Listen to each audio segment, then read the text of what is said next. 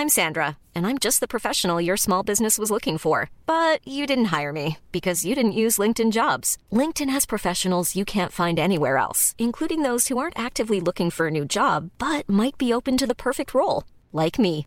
In a given month, over 70% of LinkedIn users don't visit other leading job sites. So if you're not looking on LinkedIn, you'll miss out on great candidates like Sandra. Start hiring professionals like a professional. Post your free job on linkedin.com/people today. This is Paige, the co-host of Giggly Squad, and I want to tell you about a company that I've been loving, Olive and June. Olive and June gives you everything that you need for a salon quality manicure in one box. And if you break it down, it really comes out to $2 a manicure, which is absolutely insane. It's also so easy to get salon worthy nails at home with Olive and June. The difference between how your nails used to look when you did them yourself and now with the Manny system is a complete game changer. The best thing about Olive and June too is it's a quick dry. Dries in about one minute, lasts for five days, and full coverage in up to one to two coats. Visit oliveandjune.com slash perfectmanny20 for 20% off your first system. That's oliveandjune.com slash perfectmanny20 for 20% off your first system. Even when we're on a budget, we still deserve nice things. Quince is a place to scoop up stunning high-end goods for 50 to 80% less than similar brands. They have buttery soft cashmere sweaters starting at $50, luxurious Italian leather bags, and so much more. Plus, Quince only works with factories that use safe, ethical, and responsible manufacturing. Get the high-end goods you'll love without the high price tag with Quince. Go to quince.com slash style for free shipping and 365-day returns.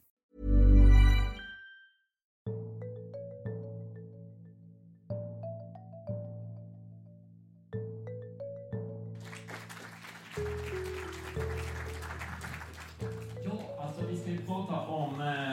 eh, eller, dagens ämne är ju jobba, jobba, jobba. Det blir ju roligt. Det gör vi ju, de flesta av oss gör det. Några- De flesta eh, har gjort det eller eh, har funderat på det i alla fall. Eh, och idag så har vi två fantastiska gäster, Marika Träskov och Mats Persson, som sitter här. Vi ska ge dem applåder var och en för sig. Ni behöver inte applådera nu.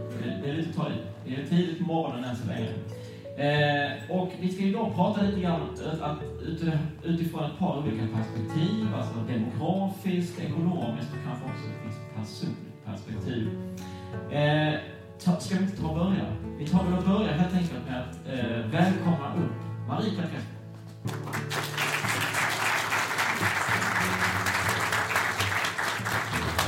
Hej. Hej. Hej. Nej, Mats. Jo, Mats också. Ja, exakt. Ja. Visst är det enkelt? Här blir bättre. Så. Du- Jaha. Ska Ja, lite distans. Ja. Vi börjar där. Ja. Och ju närmare vi kommer ifrån så kanske hon flyttar närmare. Se. Vi får se hur det blir. Eh, Marika, för de som inte känner dig, eh, om du skulle kort introducera dig själv. Vem är, vem är Ja, du? vem är jag?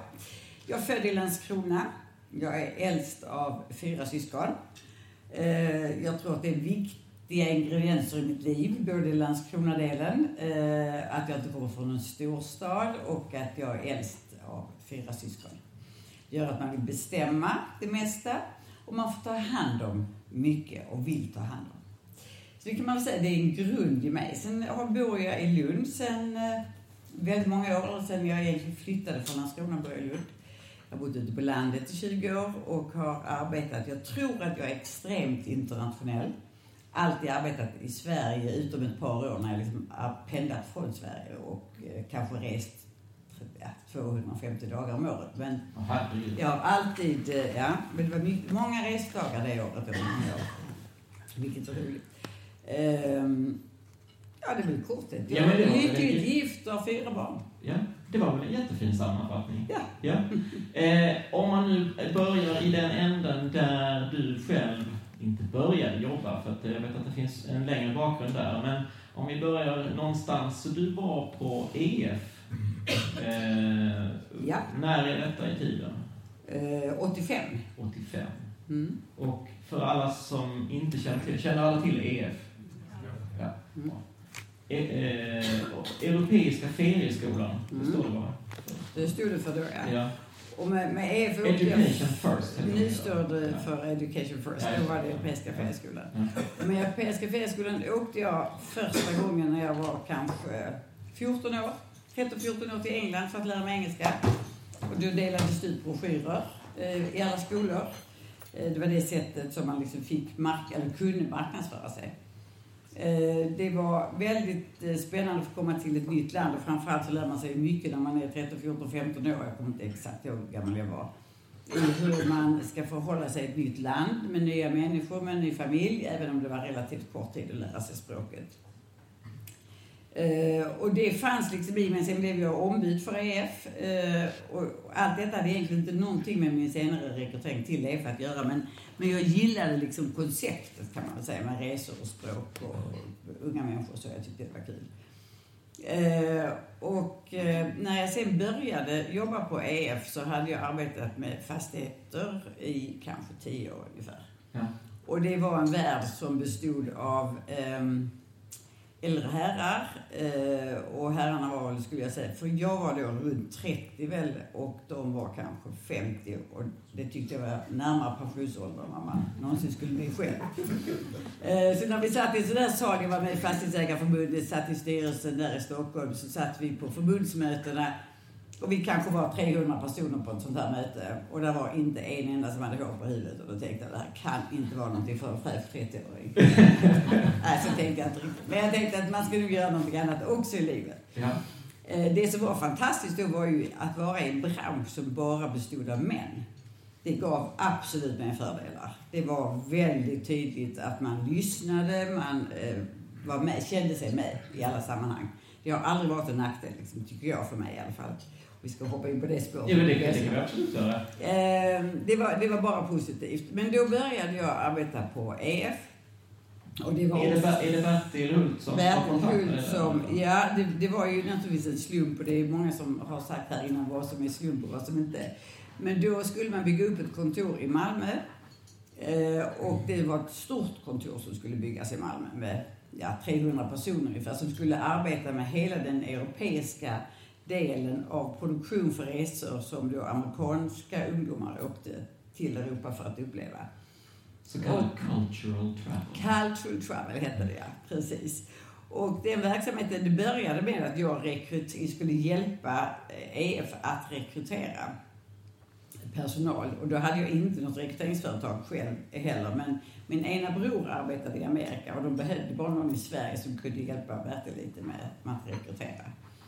Så, det, så började med att jag rekryterade personal och det gjorde jag då ungefär i ett halvår. Eh, och efter det så var det en, en jätteduktig svensk kille som var chef och jag fortsatte med mitt andra värv. Sen blev han rekryterad till Amerika och då fick jag frågan av Bertil om jag ville börja som chef. Ja. Men ni hade en viss skillnad i det här, vem ni ville ni hade en, en, idé om de ni sökte för det här internationella mm. arbetet. Ni mm. såg liksom två olika typer av profiler. Ja. Erfarenhetsmässigt så såg du en ålderskategori, men Bertil såg en helt annan. Ja, det fanns en man som då hette Leo Nordin som var en absolut gurun i Sverige på eh, marknadsföring. Och eh, då hade man bara platsannonsering för att försöka hitta personer, eh, anställa människor. Och, och Bertil har alltid varit liksom vid i tankarna så han tyckte ett par helsidor i alla svenska tidningar skulle liksom ge ett bra boost för att få in många kompetenta personer. Och då träffade vi Lena Nordin och Bertil beskrev liksom så här skulle de kompetensen och de skulle ha rest internationellt och de skulle ha gjort det. Ju mer han talade ju fler år la jag ju på och tänkte att ja men alltså nu är vi uppe i 40 någonstans och ska man ha gjort det här också? Förhandlat hotell och köpt in bussresor och så. Ja, 45. Så jag var liksom uppe där ungefär. Och sen såg jag att ja, någonstans mellan kanske 23, 24 kanske de ska vara. Och då tänkte jag bara, de finns ju inte det här med, alltså det, de sådana finns inte de människorna. Eh, så det började så, men de fanns ju. Eh, så att när de här otroliga eh, dagspresskampanjen hade och det var ju precis, det var innan jag hade liksom börjat på riktigt kan man väl säga. Då fick vi, om det var 1500 ansökningar, så det var grymt många ansökningar. Från mer än hela Sverige, det kom ju också utanför Sverige. Och det var skrivet på engelska, för man var tvungen att vara flytande engelska. Men fanns de här 20-24-åringarna? Absolut. Ja. De fanns tveklöst. Är det det här som föder idén till det som senare blir Academic Search? Eh, ja, det kan man säga att det är. För att sen, när jag arbetade på EF som chef, så var de flesta någonstans, vi kan säga mellan 20 och 35 kanske på den tiden. Och eh, jag försökte gå till Headhunters någon gång för att hitta egen personal till oss. Och det var väldigt svårt för de förstod aldrig när jag sa samma sak egentligen då som Bertil hade sagt, att man skulle vara, kunna det, det, det, det och så hade man kanske jobbat två år. Och varför skulle man bara jobba två år? Ja, då var ju tanken att alla de vi arbetade med, kundgruppen, de var någonstans mellan 15 och 20. Plus lärarna som ju då var mycket äldre och mer hade andra bilder liksom. Så att den matchningen var nog inte helt fel intressemässigt liksom av vad man, vad man skulle förstå att målgruppen var intresserad av.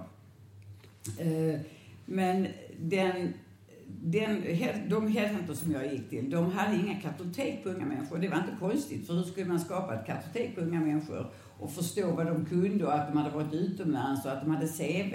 Det var ju helt ointressant målgrupp egentligen. Som ingen heller var beredd att betala någonting för. Mm. Det var så det var en kan man säga. Så när jag hade slutade sen på EF och inte ville flytta till Amerika eller England utan stanna i Sverige. Då tänkte jag att det här kan det finnas liksom någonting som kan finnas ett behov av i Sverige. Men du begav dig då till USA för att någonstans inspireras i alla fall av Exakt. amerikanska eh, Jo, men då, då var det ju så att om man inte var beredd att betala någonting för att få de tjänsterna som jag tänkte vi skulle sälja, så fick tjänsterna vara rätt så billiga. Och då fanns det i början på datorerna, det hade ju liksom börjat komma in lite runt då 89, 90 liksom, i alla fall på, så att vanliga människor skulle kunna börja använda dem snart. Och då eh, fanns något som hette Computerized Search i USA som jag såg på och tänkte att de där bolagen vill jag besöka för att se hur de jobbar. Eh, och det var häftigt för det, var, det fanns franchise-kataloger som man kunde köpa. Det fanns ju inte på webb, webb fanns liksom inte riktigt då heller. Och eh, när jag hittade de tre företagen som jag besökte i USA så tänkte jag att det här var verkligen någonting, innan jag kom dit alltså, som skulle kunna bli dörröppnare för mig att förstå mm. hur man kunde jobba, jobba med det. Men det var inte så mycket computerized search? Eller? Det var inte alls computerized search. Det var, först fick man skriva på så här mycket dokument för att det, allting var superhemligt och man fick inte berätta någonting för någon. Och man fick stora skadestånd om man skulle berätta någonting. Kan du fortfarande få? Jag vet inte hur mycket du ska. Nej, det tror jag inte. jag vill inte att vi ska hamna i problem. Och när man väl kom innanför dörren så visade det sig att de hade ju då två stycken eh, sådana snurror som ingen av er förmodligen har sett, men där man har adresser A till Ö på en snurra. Och sen så drar man ut ett kort och finns inte längre överhuvudtaget. Då hade de här searchföretagen en med kunder och en med kandidater. Och sen hade de ett sånt här headset typ, eller de hade telefon, det kommer jag inte riktigt ihåg. Och ringde din kandidat in där så fanns det ju en business case liksom. Så då snurrade de på kundlistan och tänkte, vem ska ha den kunden? Eller vem ska få köpa den här? Och tvärtom då. Och det var hela deras affärsidé. De hade inte en dator någonstans, men det, liksom, det, det var läckert med computerized search.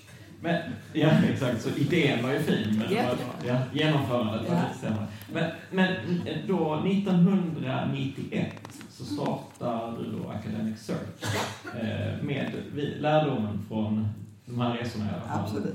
Eh, och de första åtta åren så jobbar ni väldigt mycket med så trainee-rekrytering. Hela idén var ju att, att hitta den här marknaden med att rekrytera unga människor till företagen som de eh, inte hade någon egentligen mer än dagspressannonsering att hitta igen, eller tidigare då. Eh, så vi gick ut till alla universiteten med målsättningen att vi skulle få in en stor databas. Och då hade vi en databas, eller vi försökte bygga en databas i alla fall.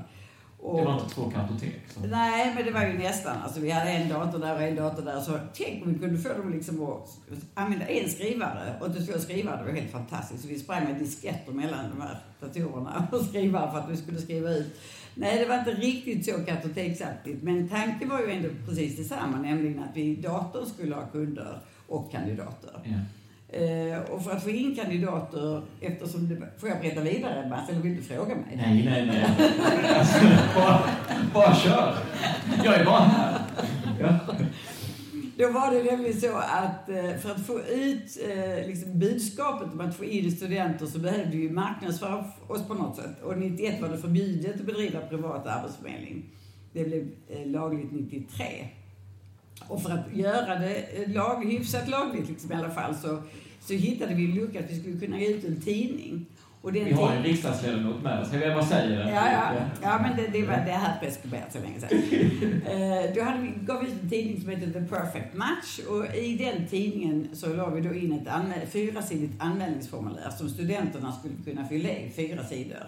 Med vad de hade gjort och vad de ville och vad de skulle göra och så kryssade det rutor.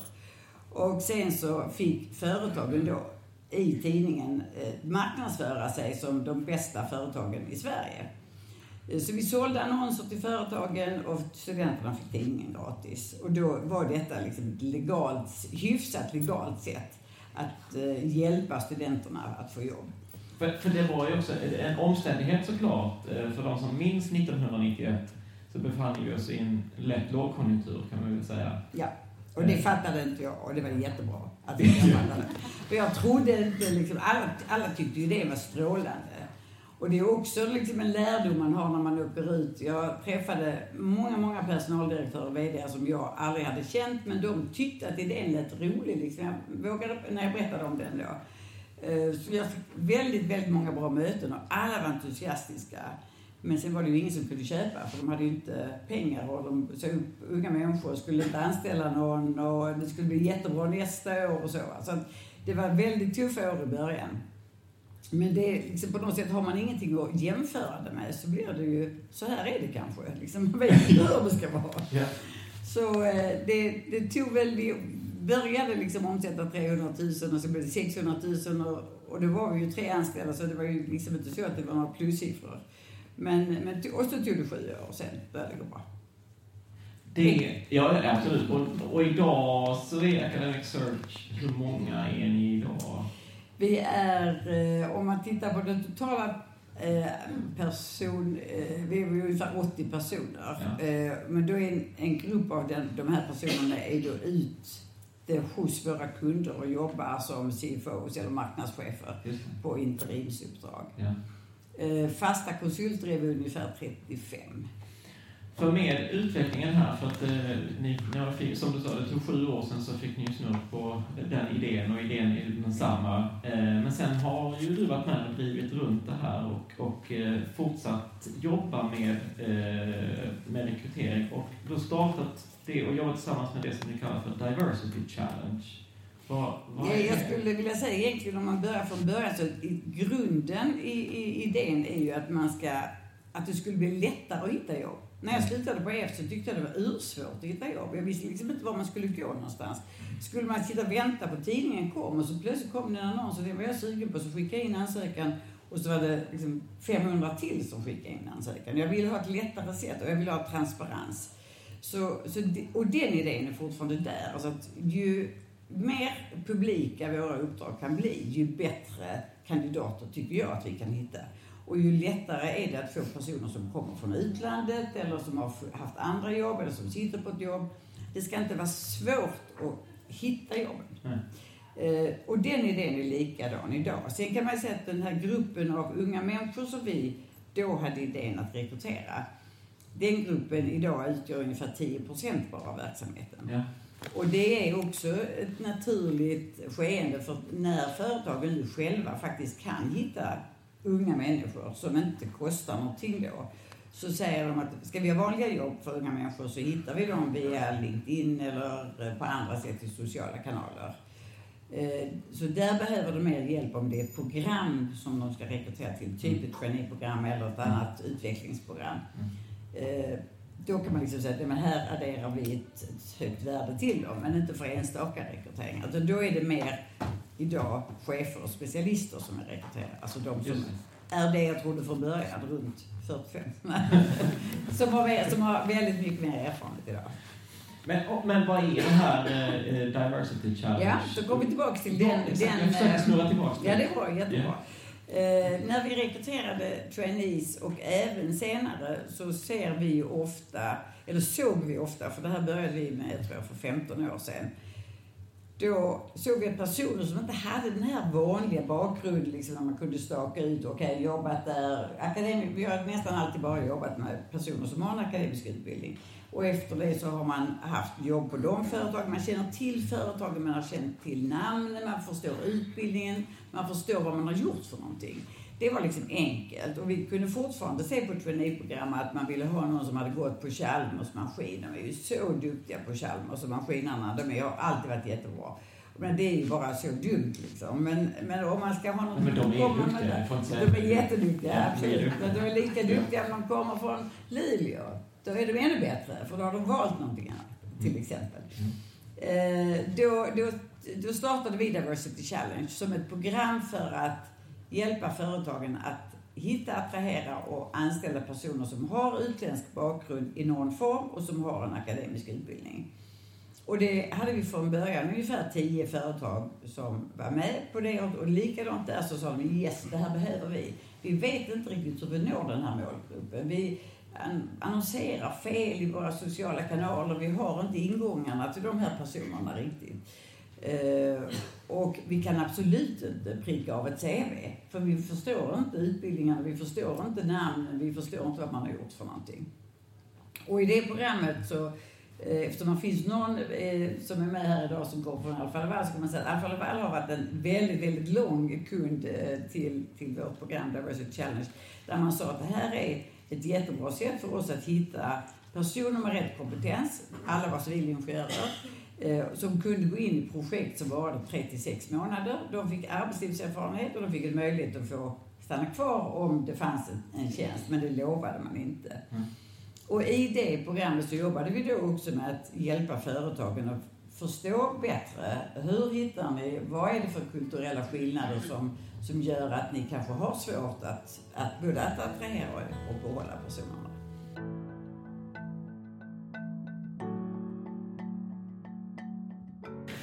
Mats Persson, hjärtligt välkommen hit. Roligt att vara här. Ja, vad roligt. Du, om man skulle ge en kort introduktion av dig själv, vem är du? Jag är den enda 80-talisten som heter Mats.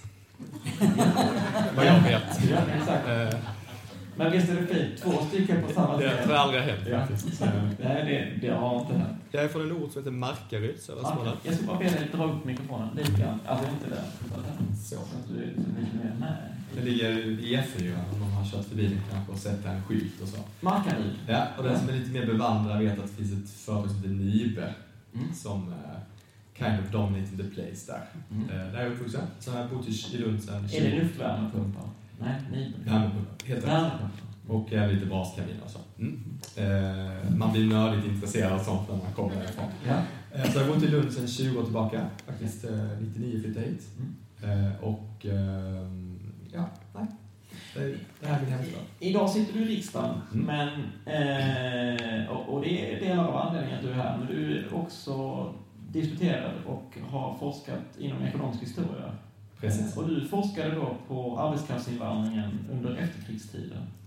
Vad, vad, vad, vad, vad var det du kom fram till? Sverige tog emot väldigt många... Eh, efter kriget så hade vi brist på arbetskraft om man förenklar lite. Eh, svensk industri gick som tåget. Eh, vi behövde få hit människor som kunde jobba. Vi åkte SKF ner på eh, Balkan och mer eller mindre headhuntade folk så här. Eh, så vi, vi kom väldigt många från naturligtvis Finland, eh, Balkan och Italien för att ta några stora länder som kom hit.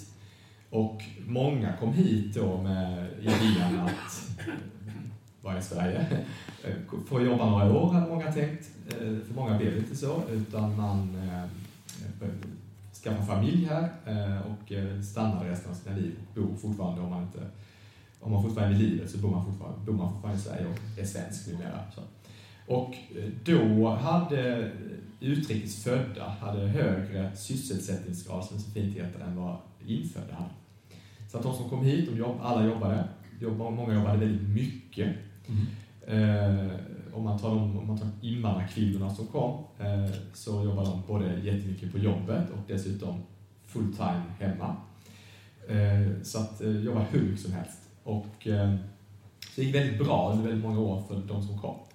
Sen kom 90-talskrisen och då kan man, jag vet inte om någon har läst eh, Svinalängorna om Ystad och eh, finnarna, Anna Koskis bok. Mm.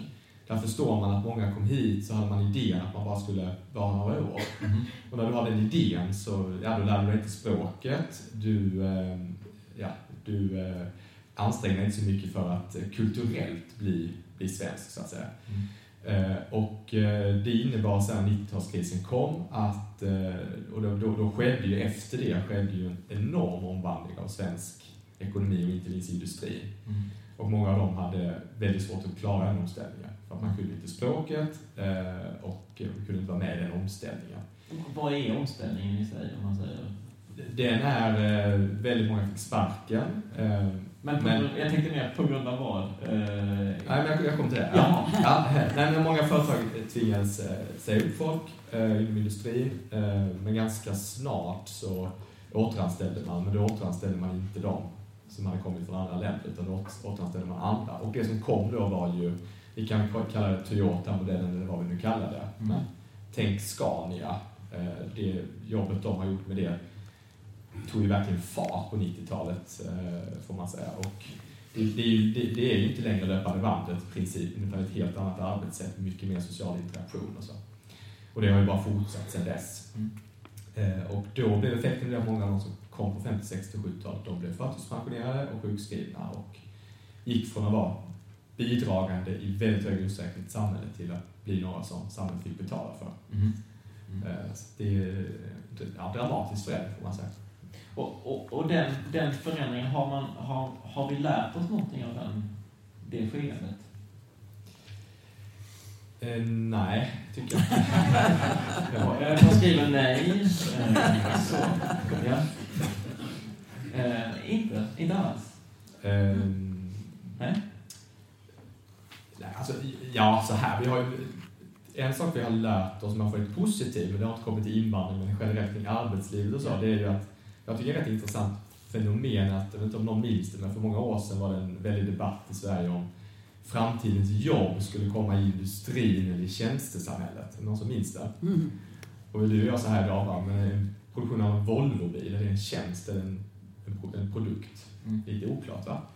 Mm. Eh, och det visar bara hur bisarr den diskussionen var. Och det är väl en förändring som har skett att idag eh, är ju Alltså Sverige, Sverige är verkligen fantastiska företagare finns i Sverige som har byggt detta landet och som gör det fortfarande och som har nästan inte rör när jag tänker på det. Om man jämför Sverige med andra länder så är ju Sverige, om man åker på Norrlandskusten i Övik till exempel som politiker, så åker jag dit, eller åkte dit för något, för något år sedan, så tänkte jag okej, okay, nu kommer de kräva en massa regionala bidrag. Första företagaren frågade du har du en ingenjör? Jag behöver en. Och den andra sa, har du någon som är hel och ren? Jag behöver en. Hel och ren. Hel och ren. Kan komma i tid, kan jobba hårt. Ja. Så. Så här, de, vi har, stockholmare har en bild att all ekonomisk aktivitet i Sverige sker i Stockholm och allt annat är någonting annat och där händer ingenting. Sverige är precis tvärtom. Alltså, stora delar av vårt land finns det företagare som har byggt rätt stora bolag, verksamma på världsmarknad, som har exakt samma problem som en företagare i Stockholm. Mm. Och det skiljer Sverige från Storbritannien eller från USA. Jag menar, USA sker nästan all ekonomisk aktivitet vid kusterna mm. och möjligen Texas numera, Austin. Eh, och så är Midlands är liksom, det är där man röstar på Trump. UK sker väldigt mycket ekonomisk, aktivitet i London, i södra delen av landet. Men i väldigt lite i norra delen av landet. Man får Brexit. Eh, men i Sverige så, vissa undantag, kanske Värmland, Dalsland, Kalmar och så, vissa undantag, så är det enorm ekonomisk aktivitet och det är ju företagen som bygger det. Det, det finns ju, ja, det, var, det var du som har sagt att jag ska framstå som, som klokare än vad jag är. Eh, men det var en, journalist som heter David Goodhart som har kommit på den här eh, termen anywhereness och somewhereness. Alltså just kring den här, den här, den här typen av demografi. Eh, där anywhereness är lite högre utbildning, då befinner sig i lite högstatusarbete eller någon form av medelklass och över. Och somewhereness är de som då röstar för en Brexit och har stark tillhörighet till det lokala. Och så. Men det känns som att det inte riktigt speglar Sverige då. Så. Utan det är väl Inte lika starkt skulle jag säga. Det är en väldigt bra bok tycker jag. Eh, men, eh, men kanske inte lika starkt. Men framförallt kanske detta att vi har inte den här om jag får bli lite konkret, om man tar, en människa, om man tar mina, mina släktingar i, i Markaryd i Södersmåland så är ju inte de avundsjuka på stockholmare. De tycker att Stockholm är dum i huvudet som betalar fyra miljoner för en tvåa Södermalm. Jag bor i Stockholm fyra veckor så jag gillar Stockholm också. Men jag bara menar... Jo, jo Stockholm ja, men... och stockholmare. Eh, nej men eh, bild, alltså enorm livskvalitet. Eh, alltså, många människor i Sverige har det rätt så bra ekonomiskt. Mm. Två bilar, fint jobb, kan köra motorcykel på helgen och den är en ganska fin motorcykel. För att ta mina släktingar som ett exempel. Ja. Min poäng med är... Det var dem. Det var dem. Jag känner igen mig i det här. Inte jag heller faktiskt. Inte jag heller. Inte jag heller. Det, men det är ett tecken på det. Medan kanske i USA så är verkligen den här känslan av att man inte är med på tåget. Mm. Många industriarbetare i USA har sedan Kinas inträde i WTO fått det väsentligt mycket tuffare. Medan svenska företag är vana vid att konkurrera på en internationell marknad. Så svenska industriarbetare har inte fått det tuffare, tvärtom fått rätt bra löneutveckling. Därför att svenska företag har tjänat pengar och en del av de, de värdena som de bolagen tjänar får också arbetarna ta del av, antingen i löner eller bonusar eller vad det är. Eh, du har ju sagt att teknik slår alltid politik. Det låter nästan så när du, om du då är ute och, och reser i landet och uppfattar vad folk gör. Men vad menar du med det? Eh, det är min betraktelse av 40 eh, år på det här jordklotet. Eh, det går inte att förbjuda parabolantenner som de politiker vill göra. Det går inte att förbjuda Jan Stenbeck från att sända TV från från London. Det går inte att förbjuda någon som startar privat arbetsförmedling. Jag kommer till det. Det, det, går, det går liksom inte. Politik, det, teknik slår alltid politik. För att människoentreprenörer är alltid smartare än vad de politiska hinder eller förbud som människor försöker sätta upp. Och ännu mer i den världen vi lever i nu, för att du kan ju starta ett bolag om man tänker app, ett appbolag, det behöver inte vara registrerat i Sverige, det kan vara registrerat var som helst på jordklotet. Så att eh, eh, så det är ju bara dödfött att försöka. Eh, utan det är bättre då, tänker jag. Och det, är, det är så du går till jobbet? Eh, jag säger det här till mina politiska kollegor ibland blir de lite bekymrade, för de vill ju gärna bestämma själva. Men jag tycker det är bättre att låta företagen få bestämma. Sen betyder inte det att man ska ha liksom High Chaparral och att man inte ska betala skatt eller att man inte ska... Utan poängen är ju att man har ny teknik, om jag får ta ett konkret exempel, om man tar de här plattformsbaserade bolagen nu som, där, som ju gör att eh, Jeps och Foodora kallar det vad de för att ta några exempel, där ju den nya tekniken gör att man inte behöver ha så många mellanhänder. Foodora är de som cyklar ut mat väldigt eh, snabbt och enkelt. Eh, för att ta ett exempel. Men det, det handlar ju om att man behöver... Och det, det är ju att göra kapitalismen bättre. Du behöver färre mellanhänder. Kund och producent kan mötas jätteenkelt via en plattform. Eh, och det är ju, och det är ju en otrolig möjlighet till det. Men om man, om man gör, låter människor, om man har utgångspunkt att göra, det ska vara lätt att göra, lätt att göra rätt. Ja. Om man inte har det som utgångspunkt så kommer man undvika skatt, det blir en grå ekonomi och så. Det vill vi inte ha. Men i debatten finns liksom de som vill förbjuda det, de som bara tycker att de behöver inte ens betala skatt. Och så kanske vi är några i mitten som tycker, som jag, eh, det ska vara enkelt att göra, det ska vara lätt att göra rätt. Låt oss få in det i den vanliga ekonomin istället och bejaka Så att det inte då, som du sa, inte blir ett race to the bottom, så att säga. Precis. Vem som, vem som hittar, äh, åker längst ner. Eh, du har ju då liknat arbetsmarknaden lite grann som, som elitfotbollsspelare idag. Vad, vad menar du med det? Om jag beskrev 90-talet som Toyota-modellens införande, eller man säger i alla fall i Sverige, så är det där vi står nu, det är någon slags eh, eh Ja, men det är, tycker jag ändå, det är en AI-ekonomi, sen kan man kalla ordet AI, har många namn. Men egentligen är principen enkel. Du har gamla hedliga algoritmer som har många hundra år på nacken. Och det nya är att du har tillgång till enormt mycket data om kunder, om eh, människors beteende eller vad det kan vara för någonting. Och eh, det är klart att den, det betyder, och det betyder att företagen direkt kan gå globala. Man behöver inte längre ha svenska kunder utan du kan börja med kanadensiska kunder när du testar en, en tjänst eller en app. Eh, och det gör ju att den som värdena när du vinner blir enorma. The winner takes it all. Spotify, räcker att säga det. Den som liksom kommer på den idén och blir marknadsledare tjänar enorma vinster. Mm. Det betyder att den som kan rekrytera den smartaste hjärnan eller den som har högst förmåga att utveckla en ny tjänst eh, är ju beredd att betala hur mycket som helst för den som är 10% bättre än någon annan.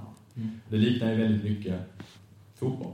Zlatan Ibrahimovic tjänade, när han slutade med Manchester United, jag vet inte vad han tjänar nu i Milan, Milan tror jag, 200 miljoner om året. Mm. Marcus Rosenberg tjänade typ 2 miljoner. Officiellt då, Sen handlar han mycket mer än det. Han är ju inte hundra gånger bättre på fotboll än Marcus Rosenberg är. Men han är ju, han är ju snäpp Det kan det vara en annan diskussion här är inte hundra vi gånger öppna golvet och se det? Han är inte hundra gånger bättre. Nej. han är inte cent mycket bättre, inte hundra gånger bättre. Men de resultat han levererar för Man United, som varje dag när de möter Liverpool så är det en, en miljard människor som kollar. Medan när Malmö möter Brage så är det 20 000 som kollar. Nej, det är en. 20 000 och en. Eh, men, men, men eh, och och det, här är, det finns faktiskt en referens här för eh, han som är numera VD, din son, han eh, är ju före detta fotbollsproffs. En klassisk match, Veberöd, IFK Göteborg, i Svenska cupen. När var detta? 90 någonstans? 94. 94. Ja, jag ser. Eh, numera VD för Academic Search. Så att, det, det stämmer, uppenbarligen. Eh, men, men det här... Eh, Ja, men så ser arbetsmarknaden ut idag. Den som men jag tänker då andra 90 procenten då, som inte Ja. befinner sig i det där. Vad, vad, vad, gör, vad, gör, vad gör vi? Där är inte arbetsmarknaden som en eh, som fotbollsproffs direkt. Utan där är den mer vanlig. eh, ja, vad var din fråga? Ja, det, det, för frågan var, eftersom du liknade arbetsmarknaden med den som för fotbollsproffs, så är det liksom också, om man bara letar efter spetsen, var, var tar bredden vägen? Så att säga? Mm. Nej, men om man backar tillbaka lite till det här med invandring då, eh, för jag tolkar det som att det var det du var ute efter. Så eh, det är klart att ett problem i Sverige är ju att vi har haft väldigt hög invandring och då kan man säga att 1967 faktiskt eh, så bestämde sig svenska fackföreningsrörelsen för att vara emot arbetskraftsinvandring och från egentligen det året så gick Sverige från att det var den dominerande invandringen till att därefter så blev det flyktinginvandring, så blev det dominerande invandringen. Eh, och det var inte ett politiskt beslut utan det var mer ett fackligt beslut. Facket hade veto eh, när en arbetskraftsinvandrare skulle komma. Nu har de inte det längre, men under 30 års tid hade de det. Eh, och då har, vi fått, då har det kommit människor hit som har väsentligt mycket lägre utbildning. Och det har blivit svårare om du har låg utbildning att bara liksom jobba i industrin, därför det är helt andra krav idag i svensk industri, svensk tillverkningsindustri. Eh, och det är klart att vår arbetsmarknad, den är, inte- den är liksom inte riktigt riggad för detta. Eh, men då ser jag en möjlighet i den här gigekonomin eller delningsekonomin, där det finns ändå embryo till lite enklare tjänster som eh, en helt ny arbetsmarknad för den som inte har, kan svenska eller den som inte har eh, klarat skolan att komma in på arbetsmarknaden. Och det skulle kunna vara ett första steg att komma in i en gemenskap på en arbetsplats. Det är det det handlar om, att ha ett sammanhang, att vara en del eh, tillsammans med andra, att känna att det finns en mening att gå upp på, gå upp på morgonen. Och vi, män, ja, för vi människor, vi är ju, liksom, vi är ju, vi är ju sociala varelser och det går väldigt snabbt att brytas ner i sysslöshet. Och då måste man ha ett sammanhang där, man, där faktiskt folk frågar och där, folk, där man känner att man behövs. Det är det det handlar om, att behövas. Är det en bild du delar, Marika? Ja, jag eh, ser rätt mycket med spänning fram till hur, hur vår arbetsmarknad som så kommer att utvecklas. Där jag delar din mening att vi har liksom ett specialistfack som ska ha högre och högre kunskap och som blir mer eh, betalda hela tiden också. Men vi har ett, för vi har också ett synsätt, tänker jag nu, som ligger lite i kontrast till det när, när vi möter många människor som är beredda att byta man byter jobb helt och hållet, man byter kanske yrkesinriktning, man byter från fast anställning till temporär anställning, man vill vara utomlands ett år eller två. Man har en helt annan rörelse i sitt arbetsliv numera. Och det kommer att göra, tror jag, att man kan också tänka sig att ta arbeten som faktiskt inte är så kvalificerade som man egentligen var ute från från början. Um, en kanske tokig variant på det hela var en jurist, eh, en advokat i Göteborg som nu är, eh, jobbar i res- en restaurang i, över vintern i Österrike. För att man måste tanka lite nytt, man måste se hur man, eh, andra delar av världen ser ut och, och man kan inte vara kvar i sitt fack. Så jag tror det, den öppenheten som väldigt många känner annorlunda idag gör att vi kanske får en bättre syn på icke så kvalificerade jobb. För att man är behövd och man, man får ändå en inkomst och den är inte dålig idag som, så den kan man klara sig hyfsat på. Och man sänker sina krav på att hela tiden köpa nytt och eh, att resa utomlands och, och så. Så konsumtionsmönstret tror jag kommer att i viss mån bidra till att man är beredd att ta andra karriärvägar. Eller livsmönstret kommer att göra att man Ja. väljer andra karriärvägar tror jag. Och du har ju sagt att guldklockans tid är förbi. Eh, apropå detta att man, är, man kanske inte vill stanna på ett och samma ställe. Och det, det där är ju alltid en knepig balans, att man, någon säger att det vill man inte. Eh, det finns ju ingen som inte skulle vilja ha ett, eh, en, trygg, en trygghet kanske i, i ett antal år, men vad menar du med att guldklockans tid är förbi? Att det går fort nu och att det, jag tycker man ser förändrade attityder. Du var inne på det lite, om att en ung människa idag vill, som läser industriell ekonomi här i Lund till exempel, som är principutbildning, ville förr jobba på BSG eller McKinsey. Eh, nu vill man starta bolag själv. Och man har liksom ett mentalt mindset som är man vill göra olika saker i livet. Och det har blivit fint att vara entreprenör. Det är fantastiskt att det har blivit det. Det var det ju inte. Ja. Fin, det, det absolut finaste var att gå till bank eller industri för. Ja. Det fanns inget finare. Och det, Joakim, du gjorde rätt. Ja, det är inte lika värdesatt idag. Nej. Det är helt okej att arbeta utan speciellt mycket lön de två första åren efter din utbildning som då har kostat massor med pengar. Men att göra det för att testa idéer. Och det finns rätt mycket kapital på marknaden som sponsrar också att man bygger nya appar och man är med i olika hubbar och man, man sitter ute på kaféet och utvecklar någonting tillsammans med några andra i den nya ekonomin. Så det finns ju ett annat synsätt, tycker jag, eh, som är, inte går ut på att vi ska ha ett, en bil och en hund och en eh, familj och små barn innan vi är 30. Utan det kan komma när vi är 40 kanske. Mm. Om vi då Ja, den åldern har flyttats eh, uppåt. Eh, ju definitivt. Men jag tänker också att, som- som du säger tidigare, så var det ju då, som det har du sagt i alla fall, att, att eh, det var, man ville gärna, och svenska bolag flyttade också ganska mycket svenskar utomlands. Mm. För att då kunna behålla kultur och arbetssätt och kanske arbetsmoral som man visst är liksom rädd för att det, det var man rädd för att det fanns inte. Men idag ser det inte riktigt ut så.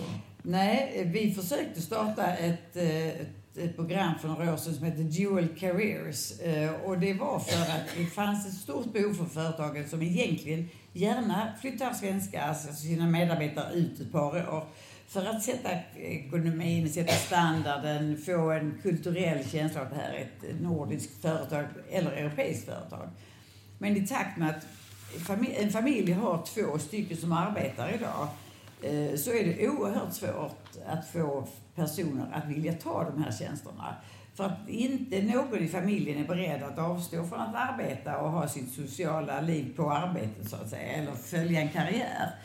Eh, så det var otroligt svårt. Företaget var mycket, mycket intresserade men det var väldigt få personer egentligen som kan tänka sig det. Så det har minskat och är ett stort problem för många svenska företag som ser att vår svenska anda liksom fortfarande kan inte fortsätta.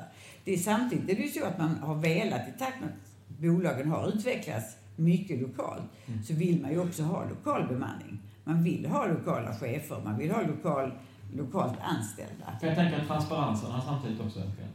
Det är det. Så att det är inte så att det, det är inte så att man, man absolut måste ha svenskar ut, men det är mer ett beteende från oss svenskar som har förändrats för att vi ser annorlunda på, på hur vi i familjesituationen ska leva vårt liv idag än vad vi gjorde för 30 år sedan. Är det något du känner igen? Jag tror du har helt rätt. Ja. Okej, bra. Eh, men, men för, för frågan är ju också, apropå enklare jobb eller, eller så, men frågan är ju också, som, som vi pratade om, eh, finns det en viss övertro då till akademisk utbildning? Ni söker akademiker, unga akademiker, men även nu eh, i det äldre, i äldre facket. Men finns det en övertro på den akademiska utbildningen? För vi har haft en utbildningsreform i Sverige som, som där, där fler och fler eh, ska läsa vidare. Jag tror det. Jag tänker att jag kan få säga det eftersom jag har ju en akademisk utbildning. Eh, jag tror det. Eh, och jag tycker att eh, det, det här att hälften av alla i liksom, en kohort ska läsa på högskola, det är någon slags mål som har funnits och så. Det är ju lite märkligt, för det måste ju ändå vara att liksom, utbildningskvalitet ska vara det som gäller. Och nu när arbetsmarknaden förändras så snabbt så tror jag att vi alla märker det att det akademisk utbildning är ju ofta bra, men det kan ju i vissa fall vara lika bra att ha gått en riktigt kvalificerad yrkesutbildning som ju kräver färre år och som kanske är lite mer hands-on än den mer teoretiska akademiska eh, utbildningen. Så jag tror vi kanske är gränsland nu att vi kommer börja diskutera detta lite mer. Är det så att man, och vad är en kanske utbilda sig lite oftare? Precis, precis. Och det är ju en jättedebatt i USA nu om detta. Eh, liksom, den här bilden att man utbildar sig tre eller fem år i början av livet och sen lär man sig på jobbet, på sin arbetsplats och får vidareutbildning där.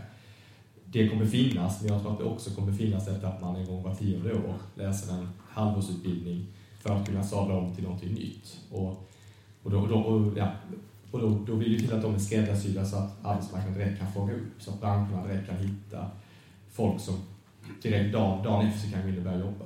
Jag delar inte Mats uppfattning heller. Eh, dels är jag inte akademiker så jag kan då ha motsatt uppfattning till dig. Jag har läst proppen juridik, det var min akademiska utbildning är.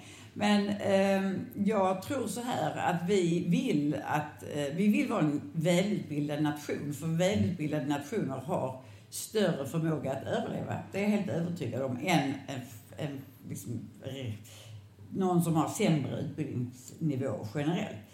Eh, sen är där i, så det tror jag i grunden är väldigt viktigt. Vi har bra utbildning men att vi också erbjuder väldigt många chansen att bli och få en akademisk utbildning.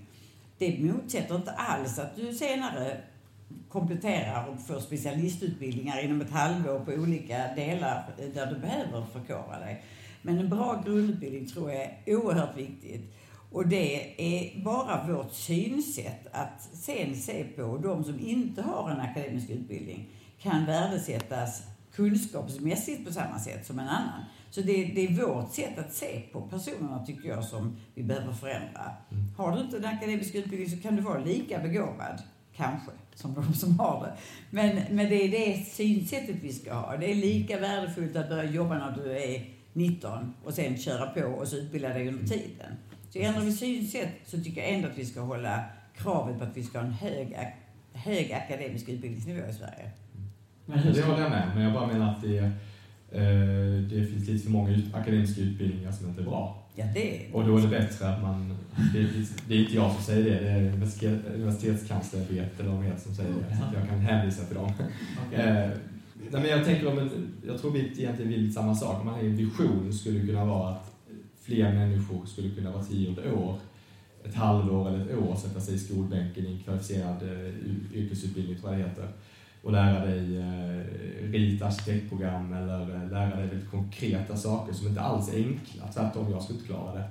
Men som direkt gör att du dagen efter kan gå ut och jobba, jobba i näringslivet. Därför det går så himla fort nu, så att man behöver hela tiden fylla på med, med kunskapen. Men, men, men går det så mycket fortare idag än vad det... Nej. Då skriver jag också upp det. Nej. Så. Eh, va, men vad, vad menar du? Det går inte mycket fortare? Nej, det går inte så mycket fortare, säger de professorerna som jag har lyssnat på.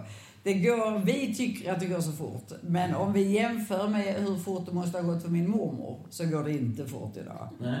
Alltså, Det, men- men- jag, jag menar att den, varje skifte som vi har, vi har haft ett stort eh, skifte i, vår livstid från industrin till tjänstesamhälle som jag ser det. Och när vi hörde Birgersson, det heter Jonas Birgersson, när han talade om det här första gången då som 93 eller 94 så tyckte man, nej, nej det kan ju inte vara sant. Men det är ju sant. Men det skiftet som var från jordbrukssamhället till industrisamhället, det måste ju ha varit förfärligt jobbigt för de som var i det skiftet. Och det har inte gått, det, det är inte snabbare det vi gör än det de gjorde. Vi har bara annan teknik idag. Mhm. Mhm. Du, Det tycker jag. Ja, det, är det här är ju spännande. Jag tror jag. Mats, håller du, när du, du tycker det går fort? Jag tycker det går fort. Ja. Eh, jag tycker det fort. Och jag tycker det, är väl det som är nytt nu är väl också att världen är uppkopplad på ett helt annat sätt. Alltså det, det är två miljarder människor i Kina, Indien, Brasilien som förr inte var med i den globala ekonomin, så nu är med i den globala ekonomin. Och det, gör, det tänker jag att det gör att tempot, tempot speedas upp lite. Är det att vi har bättre koll på vad som finns och vad som finns tillgängligt? Att vi kan upptäcka, som du sa, man behöver inte testa sin, sin egen idé på den lokala marknaden utan man kan ta den vidare någon annanstans. Eller liksom, vad är det som du gör? Vad är det som får dig att uppleva att det går så fort? Den kombinationen, globala marknader och den här digitala tekniken som gör att allting är skalbart mycket snabbare, gör ju att konkurrensen hårdnar.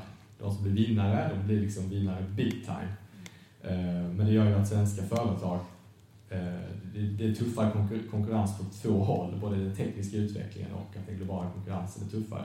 än så länge har vi ju klarat otroligt bra i det här landet, så det gäller ju att hålla, hålla i det. Och, och, hur, hur, och hur, kan vi, hur kan man hålla i detta? Då? Oh, det är mitt favoritämne. Eh, eh, om jag får lite allmänt politisk utan att bli, liksom, principiell så kan man säga att jag tycker... Utan att avslöja politisk färg. Exakt. Ja. Men jag tycker att ett grundproblem i Sverige är att vi, eh, företagen är bättre än politiken just nu. Om man tar omställningen, klimatomställningen som jag tycker är jätteviktig. Så under lång tid så hände det inte så mycket på företagssidan. Nu har företagen bestämt sig, nu går det som tåget. Och politiken är fortfarande lite avvaktande och har inte förmåga att hjälpa företag som vill ställa om, oavsett om det är SSAB som vill eh, göra sig mindre beroende av kol eller om det är Scania och Volvo som vill ha elektriska lastbilar. Liksom. Så står politiken efter och tittar på lite. Ehm, och sen finns det en liten lättja bland svenska politiker, inte bland svenska företag, men bland svenska politiker. Att vi jämför oss med Portugal, Italien, Grekland. Ah, vi klarar finanskrisen bättre än dem. Ah, tjena, de har aldrig varit våra konkurrentländer. Utan det är tyskarna, danskarna, britterna, amerikanerna och numera asiaterna. Det är de vi konkurrerar med. Och de bara kör nu, också på politisk nivå. Eh, och vi eh, har inte riktigt greppat i politiken. Så det, ja, det, det oroar mig lite. Vad är det de gör som vi inte gör, så att säga, från politiskt håll? Eh, de gör lite olika saker. Holländarna till exempel eh, jobbar nära sin läkemedelsindustri som är viktig i Holland. Eh, israelerna jobbar mot eh, startupbolag. Tyskarna jobbar mot tillverkningsföretag. Det är också ett tecken att man utgår från vad sin styrka och så lägger politiken kraften där. I Sverige avvaktar politiken lite och så. Det är jäkla tur att vi har så bra företagare i Sverige. Mm. Eh, men varför är det så avvaktande rent politiskt sett? Det har inte hänt så mycket de sista fem, tycker jag, fem, sex åren. Eh, alltså om man hänt mycket i svensk politik har det gjort liksom, i det här spelet Vem tar vem och sånt. Men om man tänker på den riktiga politiken. Vem tar vem? Som, alltså vi vågar inte komma in på de här diskussionerna. Alltså, Nej, man tar det riktiga. Det har inte hänt någonting för att alla har bara jobbat i sin gryta. Det är inte en enda av dem som man tycker vilket parti som helst som går ut och har någon riktig handlingsplan. Utan det, alltså, nu, det är inte din. Jag talar inte mer om det. Nej. Nej. Okay. Vi håller med varandra. Ja. Alltså, det det så. Men, men, jo, men alltså, det har varit väldigt mycket fokus på vem tar vem, det vill säga politiskt spel och ja. ganska lite eh, liksom tydliga ekonomiska eller politiska reformer som varit stora. Man tänker, Reinfeldts första regering var ändå arbetslinjen. Mm. Ordning och reda i skolan, man ska lära, ungarna ska lära sig någonting. Mm. Ja, nu lär sig ungarna mer för att de reformerna kom på plats. Det tog tio år att få, få det att funka, men det går åt rätt håll i skolan. Det kan bli bättre, absolut, men mm. arbetslinjen tog några år, sen funkade mm. ja, Sen dess har det inte hänt så mycket. Mm. Eh, så att när man gör grejer, tar arvs och gåvoskatten togs bort, förmögenhetsskatten togs bort. Eh, vad har hänt, vad hänt tio, år, tio år efter det? Surprise! Ja, mycket pengar i Sverige. Det finns mycket kapital i Sverige. En rik människa som tjänar mycket pengar behöver inte längre flytta pengarna till Luxemburg eller Schweiz, utan kan ha kvar pengarna hemma och det blir ett ekosystem som unga entreprenörer eller andra kan ta del av. Så, det får ju effekt om man gör grejer man måste ju våga göra. Så när du om, eh, vad det nu är, några, en halvtimme typ sätter dig på tåget till Stockholm för att eh, fortsätta i riksdagen. Vad, är, vad, är liksom, vad, vad skulle du, hur skulle du, kan du resa dig upp och säga, från vilken plats sitter du på? Vad heter Skånebänken. Skånebänken. Kan du resa dig upp och säga, hörni ni, nu är det dags, nu struntar vi det. Jag var på ett jätteintressant samtal här med Marika. Vi måste, eller nej? Uh, inte riktigt så, men kanske i vissa möten och så man har uh, i olika konstellationer. Att man, uh, men jag känner mig inte ensam ibland, men that's life. Ja. Att tycka det. Är det, är, det, är det för att det har blivit ett yrke i sig? det är ett problem, ja. Jag märker det när jag en ny partiledare, mitt parti som har varit i näringslivet i åtta år. Det är ju en, alltså en frisk fläkt från en annan planet. Ja, vi kan säga, eh, Mats är då eh, riksdagsledamot för Liberalerna. Jag vill bara säga om man inte känner till det. Exakt. Det, är, bra. det, ja. det har vi inte. Och hon heter Nyamko Sabuni. Nej, men det är en frisk fläkt som, eh, med ett helt annat perspektiv därför att hon har varit utanför politiken i åtta år. Det är ju det, det, är ju det svensk politik behöver mer av, tycker jag. Ja, att det hade varit en... Eh, Marika, du kanske skulle...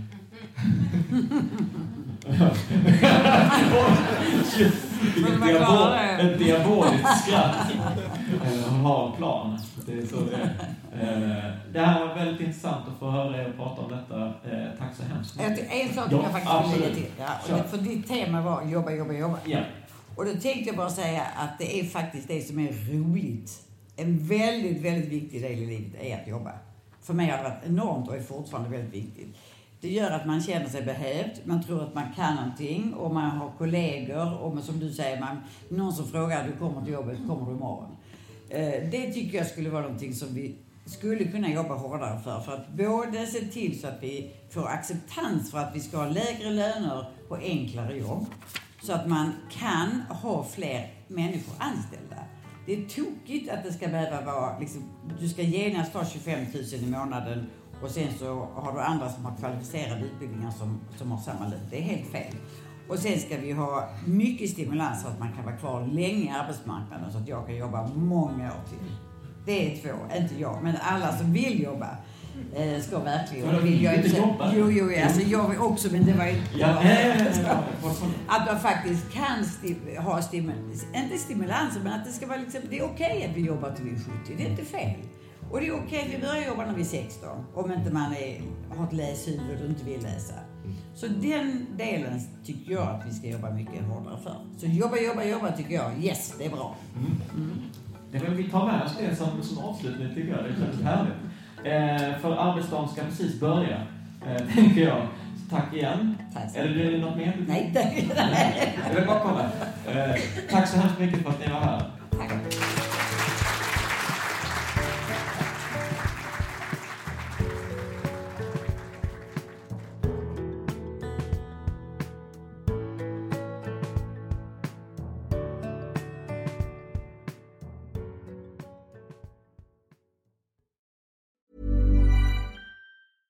Mom deserves the best, and there's no better place to shop for Mother's Day than Whole Foods Market. They're your destination for unbeatable savings, from premium gifts to show-stopping flowers and irresistible desserts. Start by saving 33% with Prime on all body care and candles. Then get a 15-stem bunch of tulips for just $9.99 each with Prime. Round out Mom's menu with festive rosé, irresistible berry chantilly cake, and more special treats. Come celebrate Mother's Day at Whole Foods Market. Hi, I'm Daniel, founder of Pretty Litter. Did you know cats tend to hide symptoms of sickness and pain? I learned this the hard way after losing my cat, Gingy. So I created Pretty Litter, a health monitoring litter that helps detect early signs of illness by changing colors, saving you money and potentially your cat's life. Pretty Litter is veterinarian developed, and it's the easiest way to keep tabs on your fur baby's health right at home. Go to prettylitter.com and use code ACAST for 20% off your first order and a free cat toy. Terms and conditions apply. See site for details. Planning for your next trip?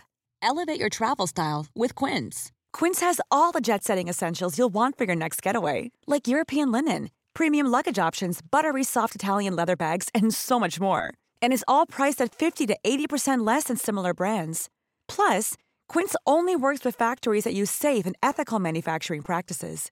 Pack your bags with high-quality essentials you'll be wearing for vacations to come with Quince. Go to quince.com slash pack for free shipping and 365-day returns.